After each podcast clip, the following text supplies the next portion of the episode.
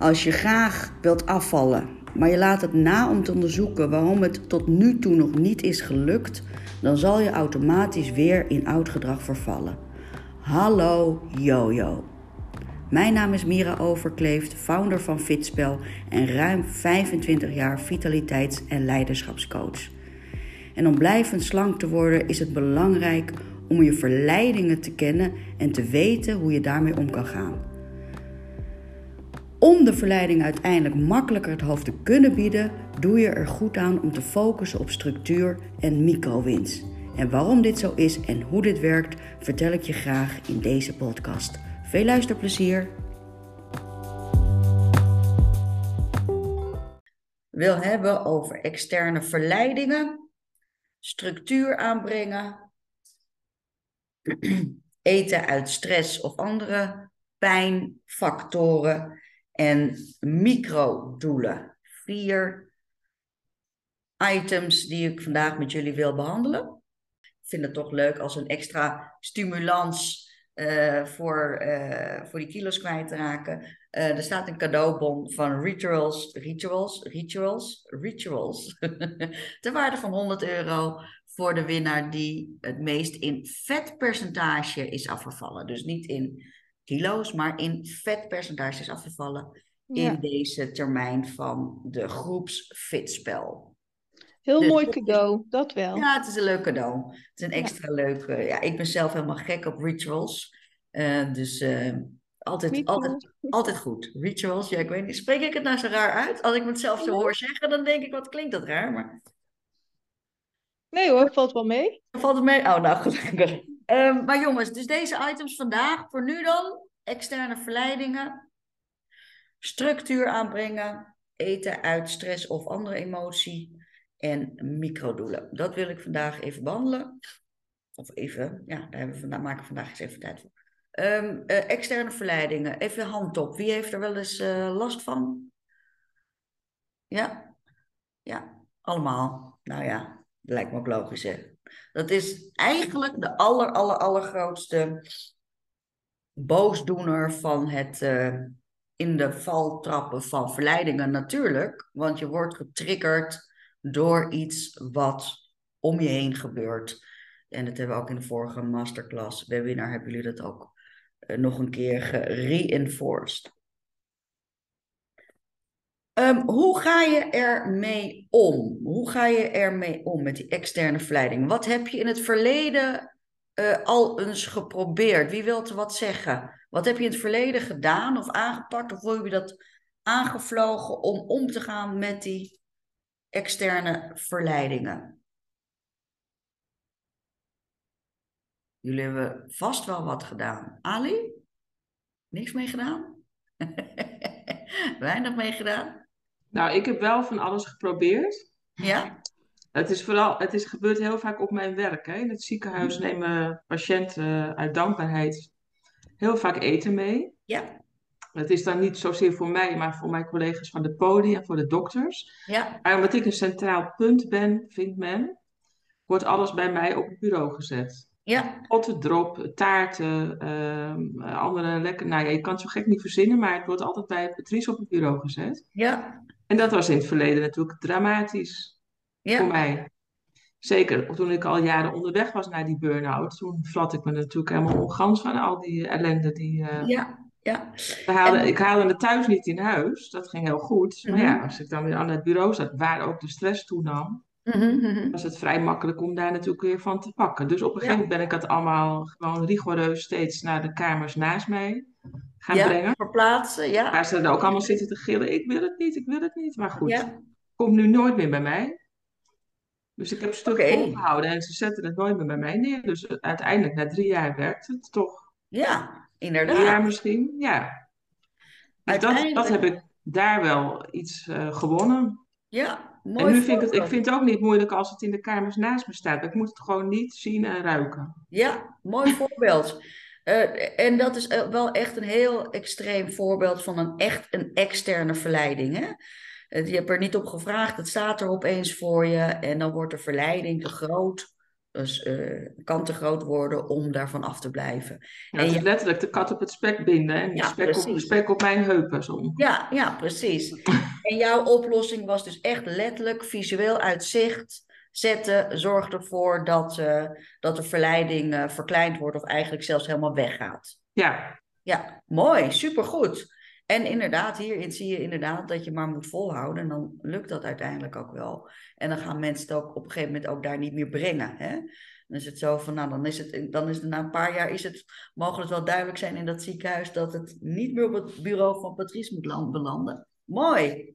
Eh, iemand anders nog een ander voorbeeld. Vertel eens even, wat is de verleiding? Misschien heb je het niet opgelost hoor, misschien heb je een poging gedaan om het op te lossen. wer- ik werk niet meer. Maar ehm, ja, dus de verleidingen die er zijn, die veroorzaak ik zelf, zeg maar. Ja, dat kan ook, tuurlijk.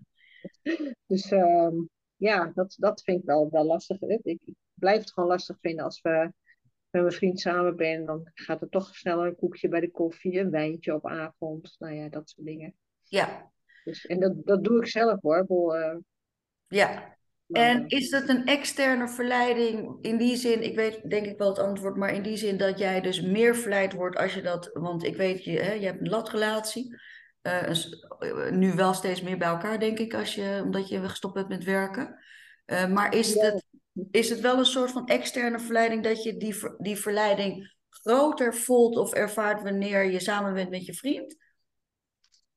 Nou ja, dan ben ik meer geneigd om dingetjes ook in huis te halen en zo. Lekkere dingetjes. Dat, dat Ja. soort. eh, Ja, dus Ja. ook de sociale component, dat is die externe, zeg maar, dan Mhm. die die verleiding eh, vergroot. Eh, wat heb je zelf eraan gedaan, Ali, om hier mee aan de gang te gaan? Ehm, ja, op dit moment het weinig. Eh, Ja? ik, ik- ja, bij, bij, ehm, er is een, een tijd wel dat, dat het beter ging, zeg maar. Dan, kon, hè, dan had ik bijvoorbeeld een, een Mhm. reep chocola. En dan kon ik echt gewoon heel goed eh, gewoon bij de avondeten één chocolaatje nemen en de rest in de koelkast liggen, laten Ja. liggen. Mhm. Maar dat, eh, die fase, daar ben ik eh, nu niet in. Ja, Dus nu is het meer gewoon zorgen dat het er gewoon echt helemaal niet is. Ja, oké, prima. Dat kan ook prima als start ook eh, zijn, hè? Mhm. Dus het is eventjes, ja, wat, wat Patricia eigenlijk ook al aanduidt, hè? Als het er niet is of als je het er niet in zicht hebt, dan kan het zeker in de beginfase best een goede zijn om, om, om mee, op die manier te starten. Mhm. Ja, goed zo. Iemand anders nog? Carolien, heb je externe verleidingen? Nou ja, ik zit even te luisteren ook naar, eh, Caro- eh, naar eh, zei, oh nee, Patricia zei dat, dat het allemaal op je bureau gezet wordt. Ja, als ik niet in een, in een challenge zit of niet in een fase hè, waarin ik zeg van nou, ehm, eh, ik ga op mijn lijn letten, dan zeg ik overal ja tegen. Ik denk dat ik niet eens nadenk. Ik denk Ja. dat ik denk, gewoon er staat iets en goh, weet Ja. je wel, je gooit het al je, je mond in en... ehm, kan ook dan heel erg uitkijken naar momenten waarvan ik weet, oh, ik ga niet iemand toe die heeft altijd lekker staan of Ja. zo. Ehm, maar als ik in een challenge zit, dan kan ik het wel laten, dus ook niet in huis halen. En ik vind een externe verleiding, vind ik ook wel die kookprogramma's. Ik zat toevallig gisteren te kijken naar eh, Hugo, die ging dan een eh, sticky toffee eh, maken. En toen dacht ik, wow, Ja. dat is wel echt heel lekker. Ja, ja. Maar wat ik nou gedaan heb, ik, de 27e, ik kook voor ouderen. Hè? Eens in de, in, vier weken hebben we wel eens verteld. Eh, dus ik dacht, oh, maar dan zet ik het daar eh, op het menu. Hè? Ja, dus ja. ik een moment dat ik het wel zou kunnen eten, dat ik, dat ik dan ook weet dat het opgaat. ja, ja, goed zo. Ehm, Mooi. Want als, als het blijft liggen natuurlijk, dan, ja, dan zit er bij ieder eh, kopje koffie zit iets lekkers. Ja, Maar het is wel als ik, eh, ik denk dat het ook heel erg eh, gemoedsafhankelijk is. Hè? Nou, ja, daar hebben we het natuurlijk van de week ook al over gehad, over emoties en zo. Ja, als ik wat Ja. eh, slechter in mijn vel zit, dan zit het al in mijn maag eh, voordat ik eigenlijk bedacht heb van hé, dat wilde ik toch helemaal niet. Ja, zeker. Ja. Ja. Mooi, maar inderdaad, hè, ook dat, hè, van eh, kijken naar oplossingen waarbij je weet dat het dan niet blijft lachen in de koelkast na je, maar dat het ook Ja. opgaat. Of dat je het weg gaat Ja, geven. precies. Eh, ja, mooie, mooie oplossing. Supermooi. Carola, had jij nog een eh, aanvulling? Mm-hmm. Ehm, nou, op eh, feestjes en partijen of als je bij mensen op bezoek bent, hè, en dan eh, Mhm. heb je afgesproken om bij iemand op bezoek te gaan of zo. Nou ja, komen ook altijd met lekkers aan, want dat is speciaal in huis gehaald. Ja. En ja, meestal kies ik dan voor één ding. Dus Mhm. of het gebakje of wat borrelhapjes of zo, weet je, als, als dat er is. Eh, maar dan heb ik, maak ik wel bewust. Dan zeg ik, oké, dan als ik voor het gebakje ga, dan blijf ik van al het andere wat straks op tafel komt, blijf ik dan af. Ja. Of doe het andersom en Ja. dan eh, met mate. Ja. En dan eigenlijk pro- probeer ik dan ook een keuze te maken in wat ik neem, in Mhm. eh, wat op tafel staat, als ik daarvoor ga. Mhm. Dat dat niet te verleidelijk is, dat je er niet van blijft eten. Mhm, mhm. Heel goed, je maakt gewoon keuzes dan. of zo, dan, ja, weet je, kan wel bedenken van, ik neem maar één handje chips, maar dan weet ik dat dat toch niet bij dat één handje blijft. Dus dan Ja. weet ik van, dan kan ik beter van helemaal vanaf blijven. Ja, Want dan is dat makkelijker dan Mhm. als ik de smaak te pakken Ja. heb. heel goed. Dus, eh, ja. En dan gaat de ene keer gaat dat heel goed en de andere Ja. keer gaat het wat minder. Dus dat Ja. is ook wel lastig. Ja, Ja. heel goed, mooi. Echt die keuzes maken, plannen van tevoren, bedenken van tevoren. We hebben het eigenlijk al een beetje allemaal voorbij horen komen, hè? De, de, de sociale druk die we toch wel voelen, of die we misschien zelfs soms opzoeken, wat Carolien zegt. Van, hè, gezellig, ik weet dat die altijd wat lekkers in huis heeft. Ja. Hè? En dat kan natuurlijk ook. Maar inderdaad, wat we hebben gehoord is natuurlijk hè, wat het in zicht is, in huis halen, toch even gezellig maken voor andere mensen, eh, enzovoort. Nou, eigenlijk eh, ehm, klopt dat ook. Eh, ik eh, heb het vaker gezegd, maar ik wil hem nog een keer herhalen. Uiteindelijk is het zo, het allerbelangrijkste om te beseffen, het start altijd bij de emotie. Dus het is eigenlijk hoe jij je voelt, is wat je ziet. Hoe jij je voelt, is wat je ziet. En wat je ziet, is wat je doet. En wat je doet, is wie je wordt. That's it. Maar het start dus bij je gevoel. Wat je voelt, is wat je ziet. Wat je ziet is wat je doet. Wat je doet is wie je wordt. Het is dus zo dat de mate van stress, dus hoe jij je voelt, bepaalt ook wat jij eh, ziet. Dus wat je in het vizier krijgt, waar je focus op ligt. Hè? Dus voel je gewoon wat meer gestrest door vermoeidheid, pijn of weet ik van wat. Hè? Kan dus van allerlei oorzaken hebben. Maar voel je meer gestrest, dan zie je ook echt dat koekje liggen. Terwijl als je dus helemaal niet gestrest bent, dan zie je dat koekje niet liggen. Ja, in het geval van Patricia is het misschien anders. Hè? Als het echt letterlijk voor je, op je, voor je bureau wordt gezet, dan is het wellicht anders. Maar wat ik alleen eigenlijk wil zeggen is, de mate van jouw emotie bepaalt waar jij je focus op legt. Of waar jij je niet je focus op legt. Hè? Het kan ook zijn dat je inderdaad, wat Caroline eigenlijk aangeeft, dat dan de focus juist helemaal weg is en dat je dan eigenlijk onbewust juist gaat eten. Hè, dat, kan, dat is natuurlijk ook de mogelijkheid. Dus onthoud altijd, hoe jij je voelt is wat je ziet, wat je ziet is wat je doet en wat je doet is wie je uiteindelijk wordt natuurlijk. En de focus, de, de, het ding is dus toch wel weer dat je uh, moet Oh, nou ja, zeg ik weer moet. Ik heb me voorgenomen dit jaar minder moeten zeggen. Maar jongens, dit is voor mij echt een ingeslepen manier van communiceren. Dus wat het advies zou zijn, is dus echt te starten met die emotie. Nou, dat hebben we verleden keer ook al gezegd. En dat doen we toch wel door punt 2, waar we het vandaag over willen hebben, over die structuur aan te brengen. Nou, wat heeft in godsnaam structuur nou met emotie te maken? Nou, verschillende dingen. Allereerst heeft structuur met emotie te maken dat we inmiddels weten dat onze biologische klok een enorme bepaler is voor ons hormoonhuishouding. En je weet inmiddels, onze hormoonhuishouding is alles bepalend voor onze regulatie van onze emoties. Um, dus structuur, nou Carola heeft het zelf uh, aan de lijf ondervonden natuurlijk, bijvoorbeeld met die maand uh, ochtend uh, Magic Mornings. De structuur die je kan aanbrengen door regelmatig gaan leven. Klinkt oudbollig, maar ja, zo is het nou gewoon wel zo. Als we regelmatig gaan leven, hebben we grotere, hebben we grotere kans dat we onze hormoonhuishouding stabiliseren. Beter maken. Niet helemaal, maar het heeft natuurlijk ook te maken met bewegen, ontspanning, uh, voeding enzovoort. Hè. Maar onze biologische klok in de gaten houden, heeft hier echt een hele grote invloed op. Dat betekent ook zelfs, hebben ze nu uh, ontdekt, dat ze spreken nu ook wel over, we noemen dit chrononutrition. Deze wetenschap die houdt zich alleen maar bezig met welke invloed heeft eten en eh, eh, eh, eh, op welke tijd eten, eh, wat voor invloed heeft dat op ons lichaam. En wat hebben ze nu zelfs ontdekt? Dat zelfs de jeugd, hebben ze gezegd, als die dus in het weekend zo extreem laat uitgaan, hè, en dan heb ik het echt over pas vijf, zes uur 's ochtends thuiskomen, dan spreken ze over een weekend jetlag. En dat is dus net zo schadelijk als wanneer je een jetlag hebt waar een tijdsverschil van acht uur is. Hm. Ehm, dat is best wel bijzonder, want de, eh, het ding is dat, kijk, het lichaam van zo'n jong iemand zoals mijn dochter, als die uitgaat, dan is ze echt pas de volgende ochtend om zes uur thuis of zo. Ehm, dat lichaam nu kan het wel nog allemaal verwerken, maar er wordt toch al schade aangericht. Debiel, hè? Maar zo werkt het dus blijkbaar.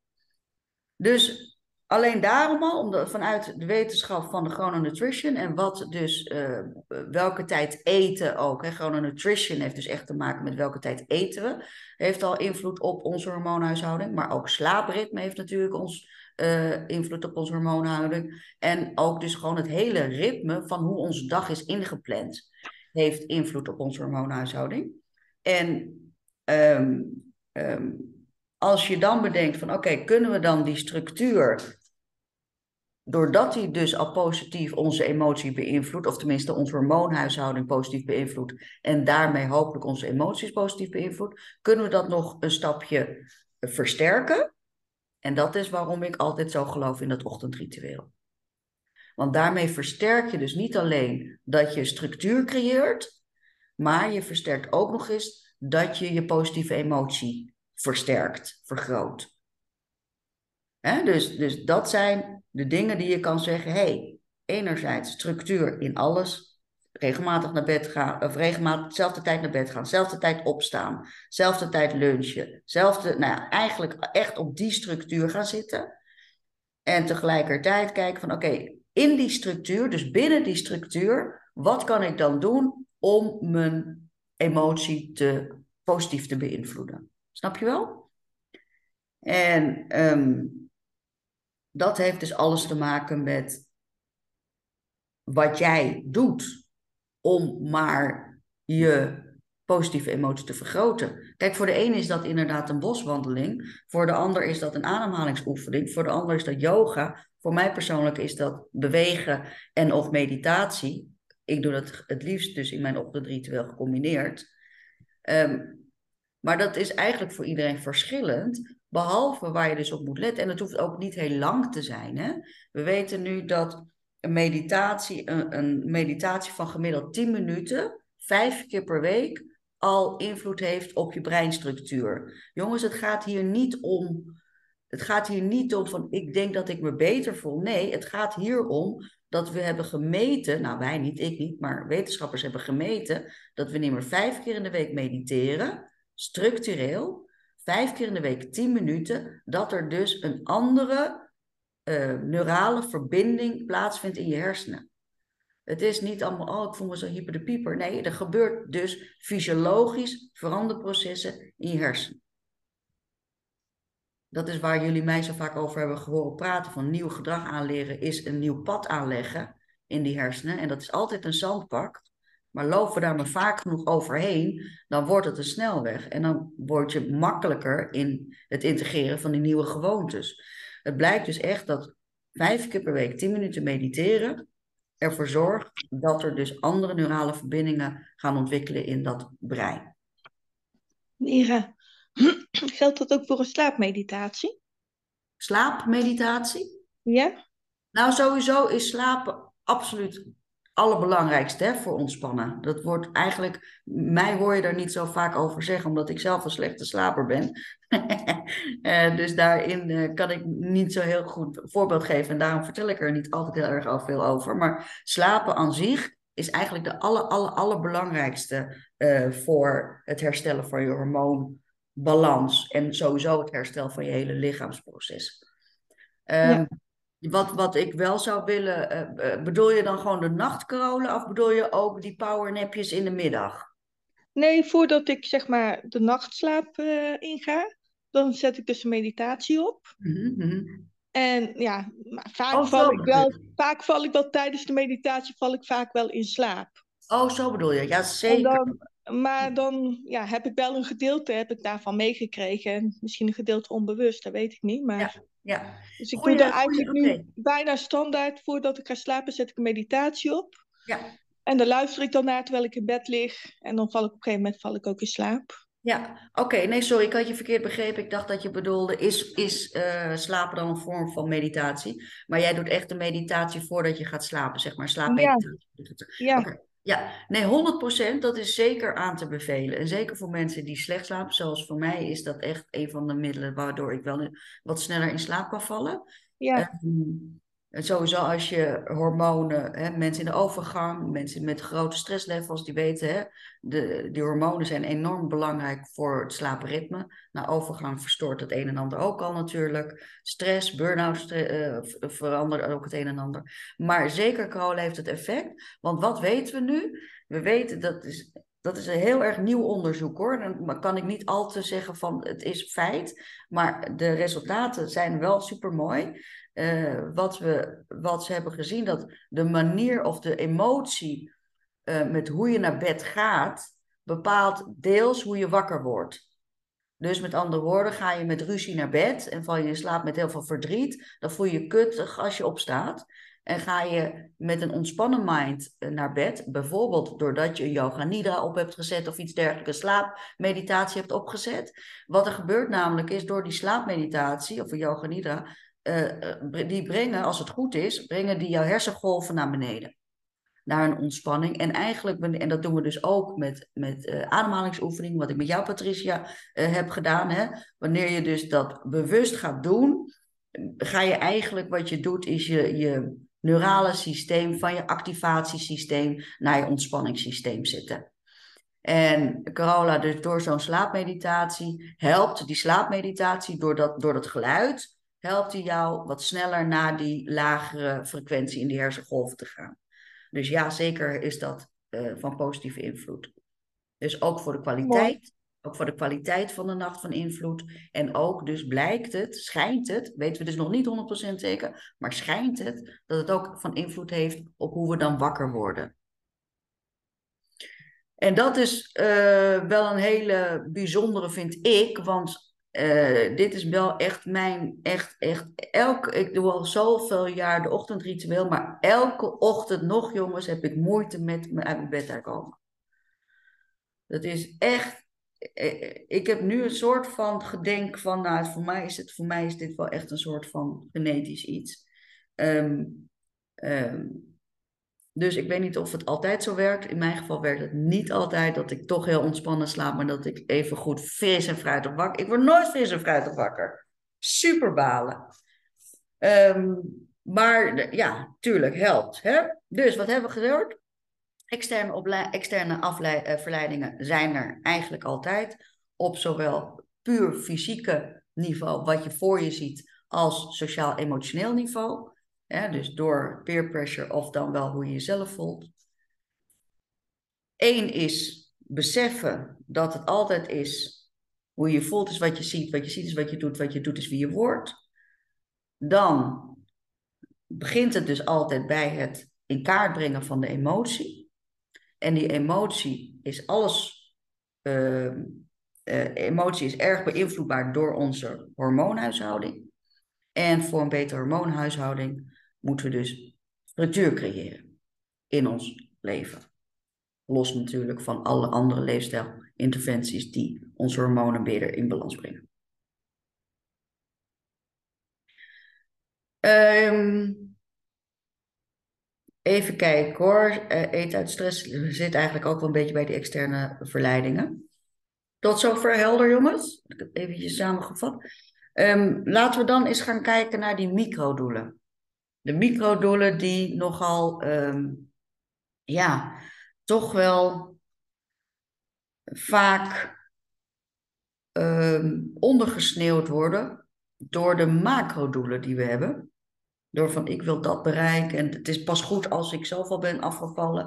Het is, ik ben pas tevreden als ik maatje die heb. Enzovoort. Ik maak mezelf daar heel erg schuldig aan. macrodoelen te stellen, maar microdoelen stellen dus.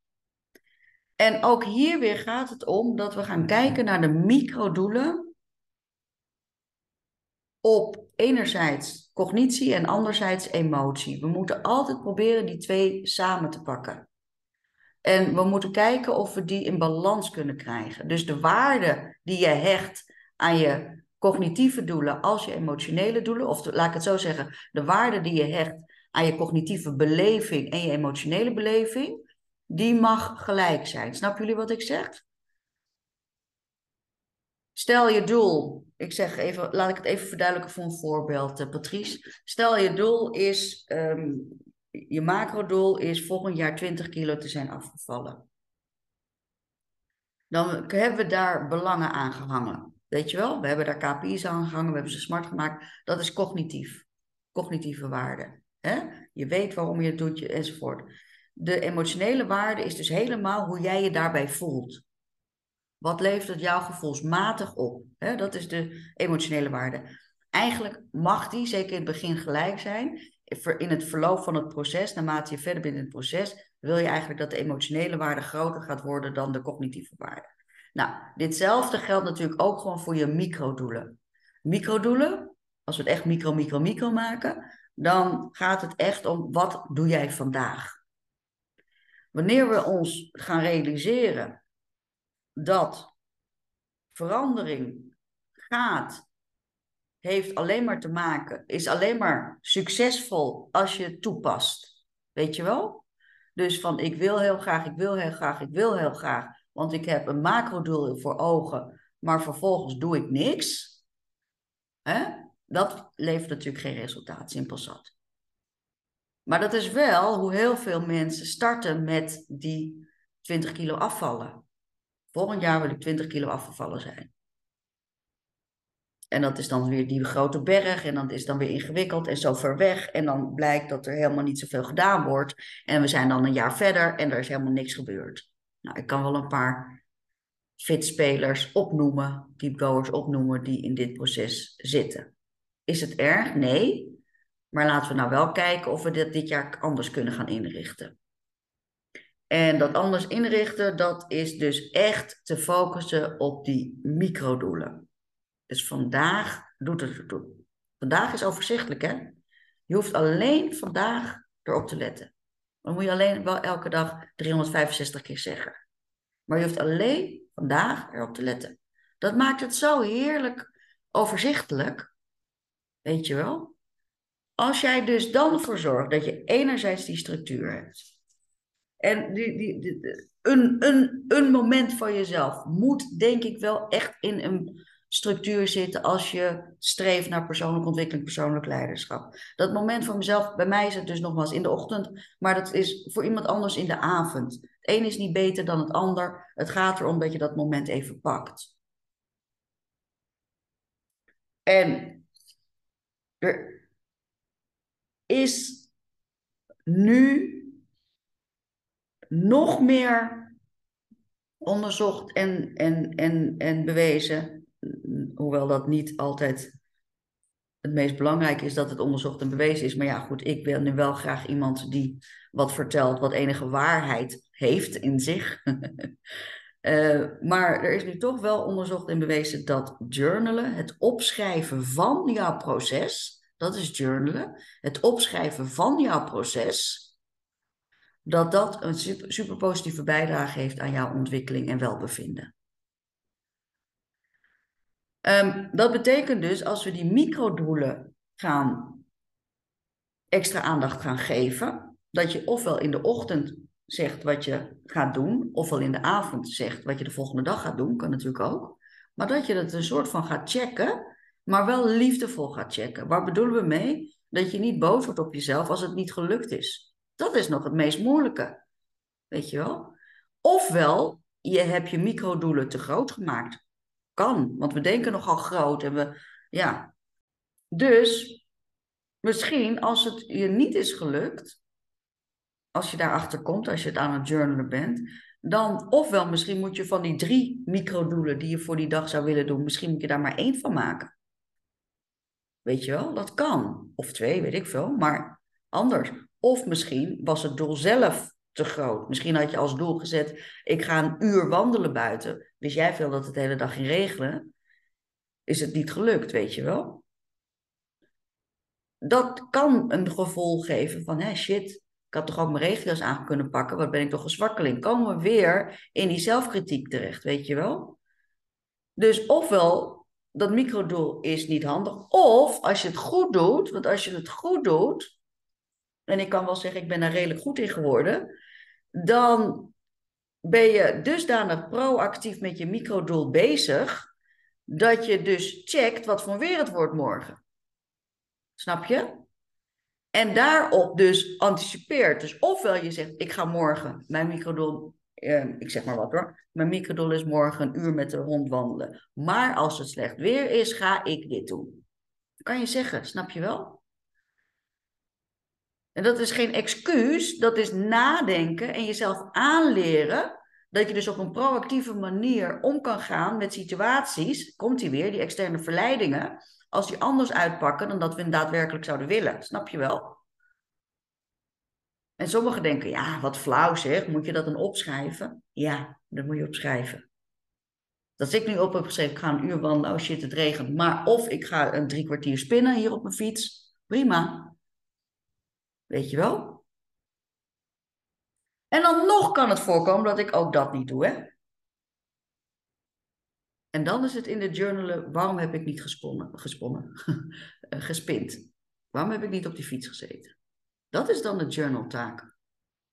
Wat was de reden dat ik niet op die fiets heb gezeten vandaag? Wat was er belangrijker dan mijn afspraak met mezelf?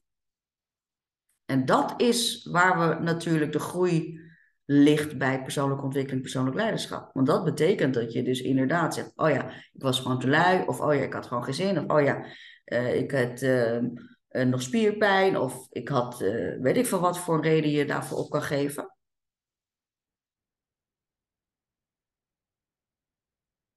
Of je zegt gewoon, oh ja, ik vond mijn werk belangrijker dan mijn fysieke gezondheid. Dat heb ik dus laatst zelf moeten opschrijven shit, ik vond mijn werk weer belangrijker dan mijn eigen fysieke gezondheid. Check. Weet je wel? Check. Het is zo, jongens. Het is zo.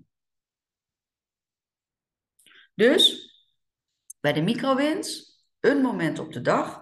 Ook hoeft ook niet elke dag, hè jongens. Je kan ook zeggen, ik doe die microwins vijf keer per week. Voor mij is altijd vijf keer per week een mooie, maar voor anderen is dat vier keer per week, voor anderen is dat zes keer per week. Maakt niet zoveel uit. Maar ik noteer ze.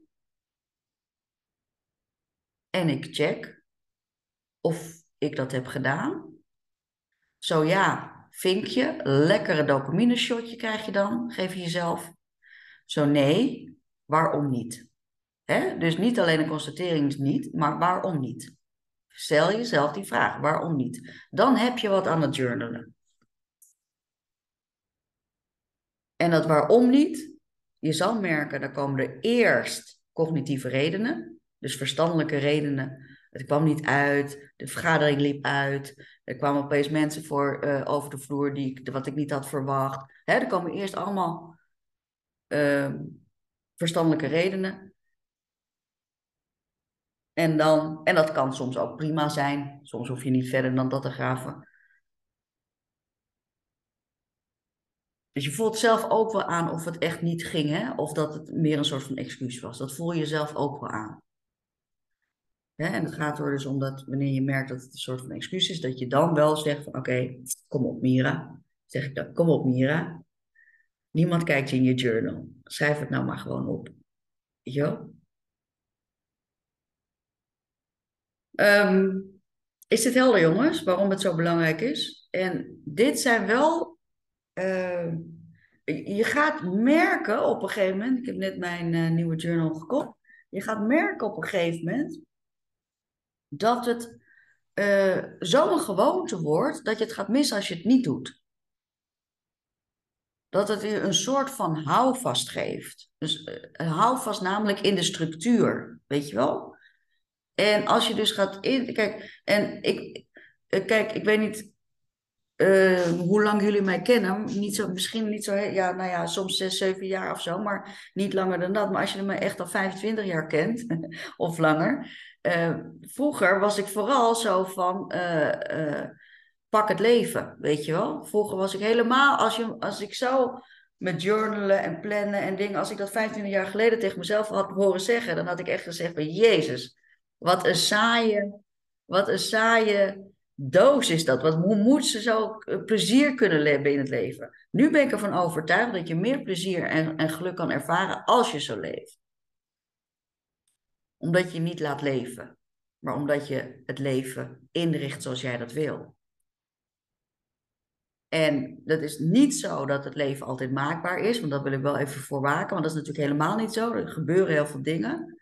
Het leven is helemaal niet maakbaar. Helaas, anders hadden we geen corona gehad en dan hadden we geen Oekraïne gehad enzovoort. Maar wat wel maakbaar is, is hoe jij reageert op de situaties. Dat is wel maakbaar. En het mooie is dat dat voor iedereen maakbaar is. Ongeacht je intelligentie, je achtergrond, je financiële situatie. Iedereen is daartoe in staat om, dat, om daar invloed op te uit te oefenen. Ehm, dus, één, check je externe verleidingen. Oftewel, ga onderzoeken wat zijn die valkuilen en hoe ga je die tackelen.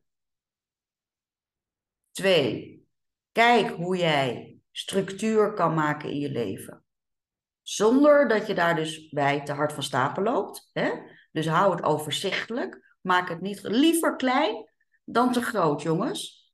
Want je kan liever iets toevoegen dan iets eraf halen. Dat voelt altijd heel erg naar. Hè?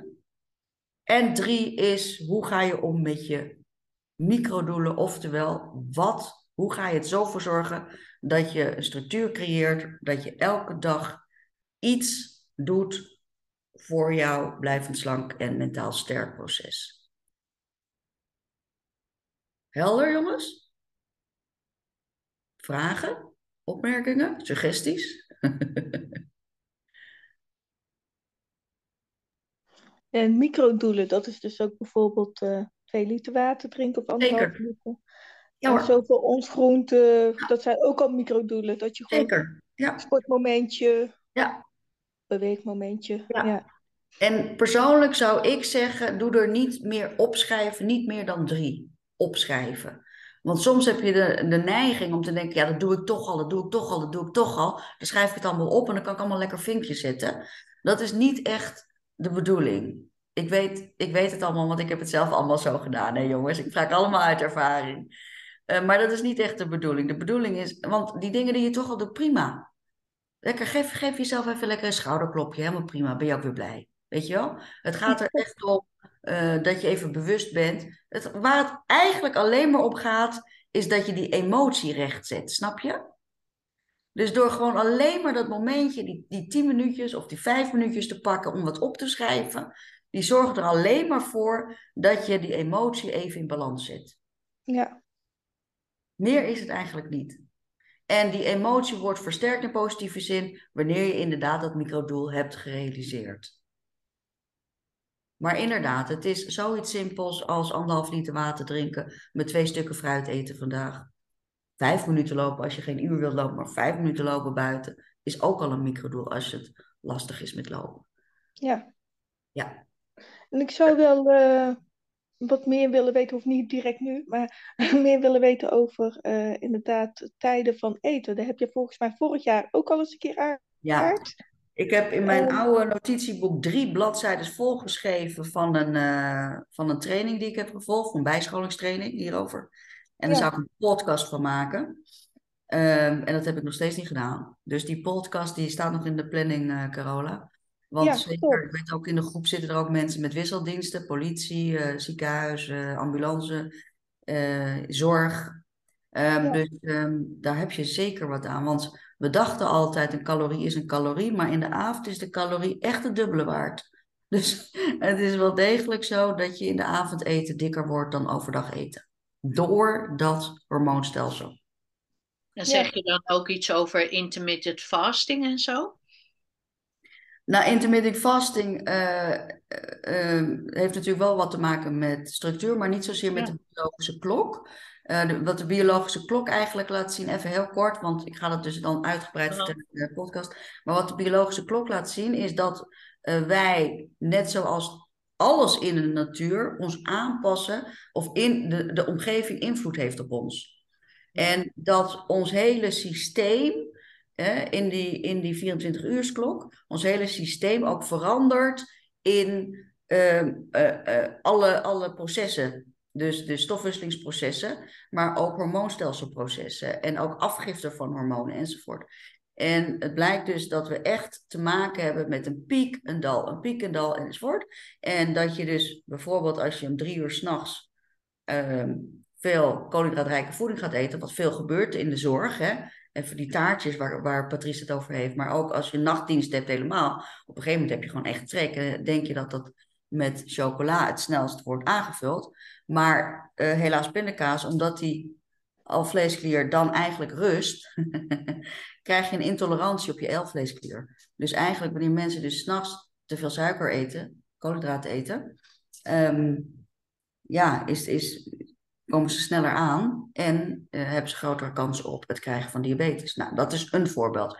Intermittent fasting heeft wel met structuur te maken, eh, maar dat staat eigenlijk een beetje los daarvan. Wat ze hierbij hebben gezien is dat wanneer eigenlijk gewoon minder eetmomenten hebt op een dag, hè, dus daar gaat intermittent fasting op. Je hebt gewoon, je eet, dat, je mag het zelf inrichten, hè, dat is heel bijzonder. Dus het is niet een vast omlijnd iets. Je bepaalt zelf wanneer je eet en niet eet. Nou, de meest voor de hand liggende is een eetblok maken tussen 12 uur s middags en 8 uur s avonds. Want heel veel mensen ontbijten toch al niet, dus dat is dan redelijk goed vol te houden. En wat de bedoeling is, dan natuurlijk niet dat je dat, dat tijdstip gaat volvreten. Tenminste, intermittent fasting is nooit bedoeld om af te vallen. Hè? Natuurlijk heeft de afslankbrand dat opgepikt, maar daar is het nooit voor bedoeld. Intermittent fasting is bedoeld ook weer om je hormoonsysteem te verbeteren. Dus net als, de, net als de biologische klok, eten op de biologische klok, structuur aanbrengen, is intermittent fasting ooit, ooit, ooit ontwikkeld om hormoonstelsel beter in balans te brengen. Dus helemaal niet om af te vallen. Nou, doe je dat wel om af te vallen, dan doe je er goed natuurlijk aan om binnen dat tijdraam dat je mag eten, wel die 2,5 van groente en twee stukken fruit en 3 liter water te drinken. Want dan eet je wel gewoon minder en dan val je wel af. Uh, dus het heeft niet zoveel te maken met die 24-uur klok, wel dus met structuur. Hè? En het heeft dus te maken, weten we dus, wanneer er gewoon minder eetmomenten zijn. Minder eetmomenten, en dat is totaal haaks van hoe ik ooit ben opgeleid, maar dat weten we dus inmiddels. Minder eetmomenten, niet meer dan drie bij voorkeur. Uh, dan heeft een gunstige invloed op ons alvleesklier. En daarmee op onze functie van, uh, van de en daarmee op de functie van hoe je insuline werkt. En insuline is een hele grote bepaler, triggerhormoon, die allerlei andere uh, hormonen triggert. Um, dus ja, ik ben een groot voorstander, eerlijk gezegd, van intermittent fasting. Zeker naarmate we ouder worden. Ook dat is weer extra gunstig dan. Yes, nog meer vragen? Is het helder, jongens? Nou, nog een paar dagen en dan is het maandag. En dan gaan we ervoor. Heb je er zin in, Ali? Of kijk je er een beetje tegenop? Oh. Ik, ik wil het wel heel graag, maar ik kijk er wel een beetje tegenop. Ja, dat zie ik aan je, dat merk ik aan je. Maar dat zullen wel meerdere zo zijn hoor. Mhm. Uh, belangrijk is, uh, zeker als mensen hè, wat, ja, wat, wat langer in het proces zitten. Ali zit volgens mij ook al drie jaar inmiddels of zo uh, bij ons. Um, belangrijk denk ik dat we dit jaar gaan, anders gaan doen dan andere jaren, Ali. Is dat we echt gaan focussen op wat liever voor jezelf zijn. Nog meer dan de jaren daarvoor. Dus wellicht is dat een hele goeie. Want waarom kijk je er tegenaan uh, op, Ali? Waarom kijk je er tegenop? Ja, omdat ik eigenlijk vorig jaar een periode had waarin het echt heel goed ging. En ja, ik had dat toch weer losgelaten heb. En dan ja, heb ik het nu al een aantal keer weer geprobeerd en niet gelukt. Dus dat, dat is wel uh, Ja. Een, een hobbel. Ja, precies. En dat is ook de reden waarom mensen er tegenop zien om te starten weer. Hè? En om weer eh, opnieuw te beginnen. Om gewoon, eigenlijk is het, de onder achterliggende gedachte is natuurlijk de angst dat het niet gaat lukken. Hè? Dat is waarom iemand er tegenop ziet. De angst dat het niet gaat lukken. En dat is precies wat ik bedoel, Ali. Als we nou afspreken dat we ons gaan focussen op het proces. Wat kan ik vandaag doen? Wat doe ik vandaag? En ook als het niet lukt, ben ik gewoon wel lief voor mezelf. Want ik ben ook maar een mens. Hè? Ik ben niet super power woman, nou dat ben ik ook, maar ik ben ook gewoon een mens. En dan ga je wellicht, dat wil ik graag in dit jaar met jullie bereiken. Dat je enerzijds dus echt wel die resultaten behaalt, maar anderzijds echt veel meer in verbinding komt met jezelf.